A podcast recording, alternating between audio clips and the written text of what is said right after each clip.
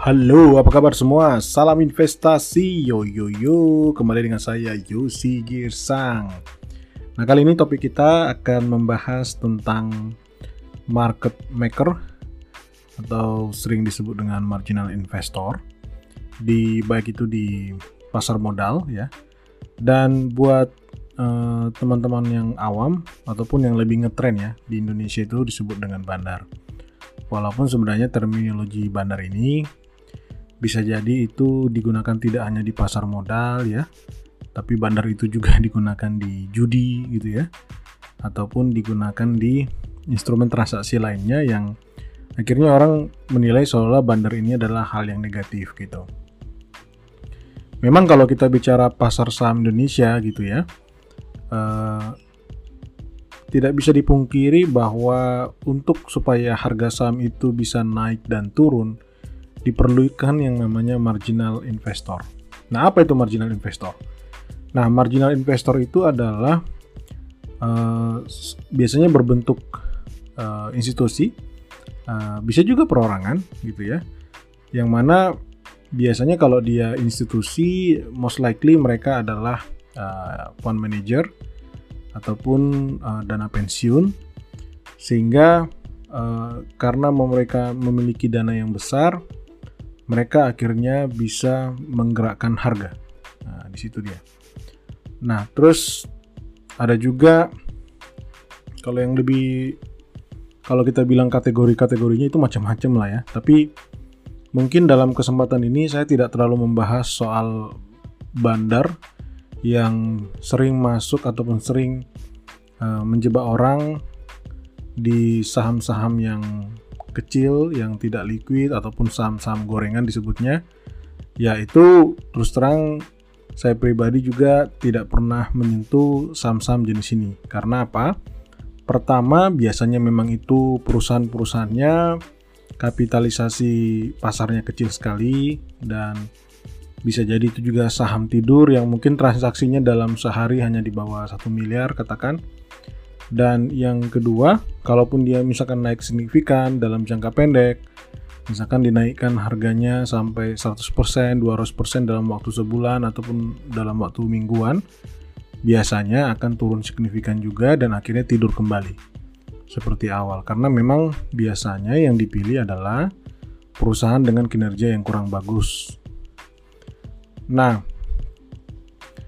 saya pribadi lebih tertarik untuk berinvestasi di uh, saham yang memang secara fundamental bagus dan dia pun harus punya yang namanya marginal investor di dalamnya. Jadi marginal investor itu uh, tidak serta merta uh, pemegang saham terbesar di perusahaan itu. Jadi contohnya misalkan Bill Gates ya di Microsoft gitu ya. Bill Gates itu tidak serta merta menjadi marginal investor karena apa? Karena dia tidak melakukan transaksi jual beli dalam waktu singkat terhadap sahamnya di Microsoft gitu. Maupun pendiri-pendiri perusahaan biasanya mereka jarang melakukan uh, transaksi jual beli sahamnya di perusahaan yang dia miliki walaupun dia porsinya besar bisa jadi memiliki 20%, 30% bahkan lebih dari 50% saham di perusahaan tersebut gitu. Marginal investor ini jadi memang harus memiliki kriteria selain semoga, sebagai salah satu pemegang saham yang cukup besar, uh, katakanlah dia yang kedua terbesar atau ketiga atau keempat, dan juga dia secara aktif uh, melakukan transaksi gitu. Kenapa? Karena kalau di dalam uh, finance itu ada yang disebut dengan model risk and return. Kita mengasumsikan bahwa uh, biasanya kan marginal investor itu kan uh, institutional investor ya, fund manager. Mereka uh, paham dan biasanya mereka melakukan namanya diversifikasi portofolio. Jadi misalkan kalau dia katakanlah dia punya saham di BBRI uh, sudah naik signifikan ya atau total portofolionya di saham sudah naik signifikan misalkan 20% 30% maka dia akan menjaga supaya porsi antara uh, portofolionya antara saham, antara uh, obligasi ya ataupun antara uh, instrumen lain misalkan ada di dalamnya mungkin pasar uang ataupun deposito ataupun mungkin emas itu dia akan jaga persentasenya itu kurang lebih di level tertentu. Misalkan saham itu hanya kalau katakanlah dia termasuk uh, institutional investor yang lebih beresiko dia mungkin ambil saham itu 40% atau 50% kemudian surat utang atau obligasi dia ambil misalkan 30% dan sisanya yang lain. Nah, dia akan menjaga persentase itu. Artinya kalau misalkan portofolionya karena kenaikan di sahamnya sudah cukup signifikan sehingga persen sahamnya yang awalnya hanya 50% naik menjadi 65%, maka dia akan menjual sejumlah sahamnya untuk dipindahkan ke instrumen yang lain, bisa di obligasi, bisa di deposito atau emas gitu. Jadi mereka cenderungannya adalah well diversify. Nah, inilah yang akhirnya menjadi keuntungan sebenarnya buat kita para retail investor. Kenapa? Karena uh, mereka adalah market maker dan mereka uh, mau tidak mau harus mendiversifikasi portofolionya, maka akan ada kondisi di mana saham itu dihargai murah dan saham itu dihargai cukup tinggi gitu. Dan itu akan bergerak karena tadi si marginal investor akan melakukan diversifikasi di portofolionya. Nah, menurut saya sih pribadi ini pandangan saya. Kalau kita mau make money ya justru di yang risikonya lebih kecil adalah di perusahaan-perusahaan yang sehat, perusahaan-perusahaan yang bagus dan uh, memiliki kinerja yang manajemen yang bagus juga yang bisa dipercaya gitu. Sehingga apa? Karena biasanya apalagi kalau dia manajer investasi yang besar ya, mereka cenderung sangat uh, mengikuti yang namanya prosedur ya. Uh, manajer investasi itu uh, sebenarnya pada waktu mereka mau membuat satu produk untuk investornya, mereka akan uh, punya semacam portofolio atau rencana uh, uh, apa namanya akan dibentuk seperti apa ya produk tersebut dan dia akan berusaha untuk memenuhi itu dan setiap transaksi yang atau keputusan dalam transaksi yang diambil itu dicatatkan dan bisa dipertanggungjawabkan. Uh, simpelnya kalau dia misalkan beli saham BCA, BBCA, uh, seharusnya seorang manajer investasi yang mengikuti prosedur yang uh, uh, yang tepat itu dia harus bisa menjelaskan atau dia harus mencatatkan apa reason behind. Sehingga ke depannya kalau misalkan nih ada pertanyaan ataupun ada pemeriksaan uh, dia bisa uh, fund manager ini bisa menjelaskan uh, reason behind kenapa mereka mengambil keputusan investasi seperti ini. Uh, apakah semua melakukan itu? Ya saya tidak tahu tapi kalau melihat dari beberapa kasus Jiwasraya dan Asabri ya tentunya uh, tidak semua ya masih ada oknum-oknum fund manager yang uh, belum tentu mengikuti uh, prosedur tersebut gitu. Karena apa? Kalau misalkan dibuka lagi itu ya portofolio terutama uh, banyak saham yang akhirnya jatuh ke harga 50 rupiah ya kalau di di uh, analisa lagi perusahaan-perusahaan yang dibeli dalam atau yang dimasukkan dalam portofolio itu uh, saya yakin banyak bukan uh, masuk kategori perusahaan yang uh, bagus lah justru perusahaan-perusahaan dengan risiko yang sangat tinggi gitu.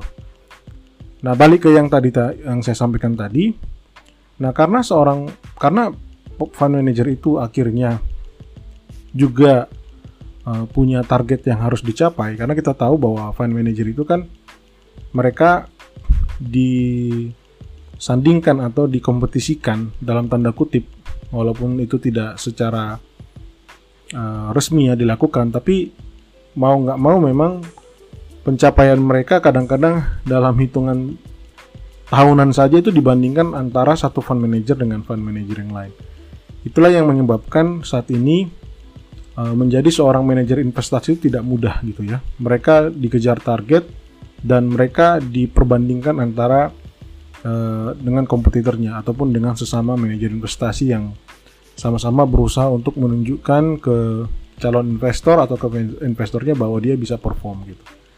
Yang menyebabkan para uh, marginal investor ini atau para institutional investor ini uh, akan lebih aktif untuk melakukan transaksi jual dan beli. Nah, untuk kita retail investor yang cenderung lebih pasif, yang kita mengandalkan valuasi, tentu ini adalah satu opportunity. Kenapa? Karena yang tadi saya bilang pertama mereka harus uh, melakukan diversifikasi atau mereka uh, memiliki modal finansial uh, risk and return tadi. Dan yang kedua mereka juga dikejar kompetisi antar manajer investasi sehingga akhirnya itu menjadi opportunity buat kita retail investor. Kalau kita paham tentang bagaimana menganalisa uh, menentukan mana perusahaan yang bagus untuk kita investasikan yang secara fundamental oke, okay. apalagi kita paham valuasinya, kita tahu kapan masuk dan kapan untuk keluar, maka itu menjadikan opportunity yang bagus untuk kita bisa uh, memperoleh dalam tanda kutip ini adalah keuntungan capital gain ya karena kalau bicara tentang keuntungan saham kan ada dua, ada capital gain dan ada dividen. Buat Anda mungkin yang belum paham bisa ikut lagi di uh, podcast saya yang awal-awal ya gitu. Nah, jadi gitu. Jadi pada intinya sebenarnya memang market maker atau marginal investor ini sangat dibutuhkan di pasar modal. Tidak hanya di pasar saham, bahkan di pasar obligasi juga gitu ya. Uh, bahkan di uh, forex bahkan di uh, trading gold gitu ya mereka memang dibutuhkan karena mereka lah yang menyebabkan harga dari instrumen investasi itu bisa naik dan bisa turun. Nah, kita sebagai uh, investor retail ya yang lebih sedikit uh, dalam tanda kutip diatur dan tidak ditarget oleh siapa pun gitu ya. Kita punya kesempatan untuk mengambil uh, atau mau untuk lebih fleksibel masuk di harga yang terdiskon dan menjual di harga yang sudah premium. Jadi gitu. Nah, kalau bicara tentang bandar yang sering sekarang di uh, omongin orang-orang di komunitas, di sosial media ya. Ya, saya pribadi bilang bahwa ya memang ada ya bandar yang menggerakkan dan menaikkan dan menurunkan harga saham terutama harga saham-saham dengan kapitalisasi kecil gitu ya. Ya itu urusan mereka ya. Tapi saya pribadi uh, tidak menyarankan anda untuk mengikuti. Cuman kadang-kadang uh, di yang saya tahu juga sebenarnya orang sudah banyak tahu tentang perilaku bandar yang saya jelaskan tadi. Tapi entah kenapa orang-orang walaupun sudah tahu biasanya justru malah semakin apa ya malah semakin mau ikut join gitu. Ya contoh contoh seperti kayak kasus-kasus money game ya skema ponzi ponzi scam ya. Itu orang-orang justru kalau ada money game yang baru muncul itu berlomba-lomba untuk masuk. Karena sebenarnya mereka udah tahu cuman mereka berusaha make money setidaknya ketika mereka masih di ring awal gitu ya, ring ring 1 atau ring 2 yang mereka tahu korbannya mungkin nanti ring 5 atau ring 7 gitu. Jadi di pasar saham ini pun entah kenapa ada banyak orang yang sudah terjun di pasar saham mungkin nggak hitungan di bawah 10 tahun tapi lebih dari 10 tahun tapi tetap aja sering mainan saham gorengan gitu dan ruginya juga nggak sedikit gitu mungkin kalau di total portofolionya bisa besar banget gitu tapi tetap nggak kapok ya memang itu itu tadi ya secara psikologi memang ada mindset ada psikologi kita yang harus kita lawan itu soal greedy ya keserakahan gitu. Yang awalnya kita berpikir kita bisa mengambil keuntungan dari para bandar tersebut tapi kenyataannya malah uh, kita yang dikerjain gitu. Ya karena mereka lebih bisa punya kemampuan untuk menaikkan dan menurunkan sementara uh, ketika kita telat untuk uh, keluar akhirnya nyangkut gitu. Beda dengan kalau Anda di perusahaan yang kapitalisasinya cukup besar, kemudian fundamentalnya bagus, bahkan sesama fund manager pun mereka berkompetisi yang saya bilang tadi. Mungkin saat ini yang masuk adalah fund manager A, ya ketika dia menjualnya ada fund manager B yang siap untuk menampung gitu. Karena tadi mereka butuh juga untuk uh, mencapai atau menorehkan prestasi dalam bentuk return yang uh, bisa lebih baik dari kompetitornya. Nah, itu dulu yang bisa saya jelaskan dalam podcast ini. Semoga bermanfaat. Salam investasi. Yo yo yo.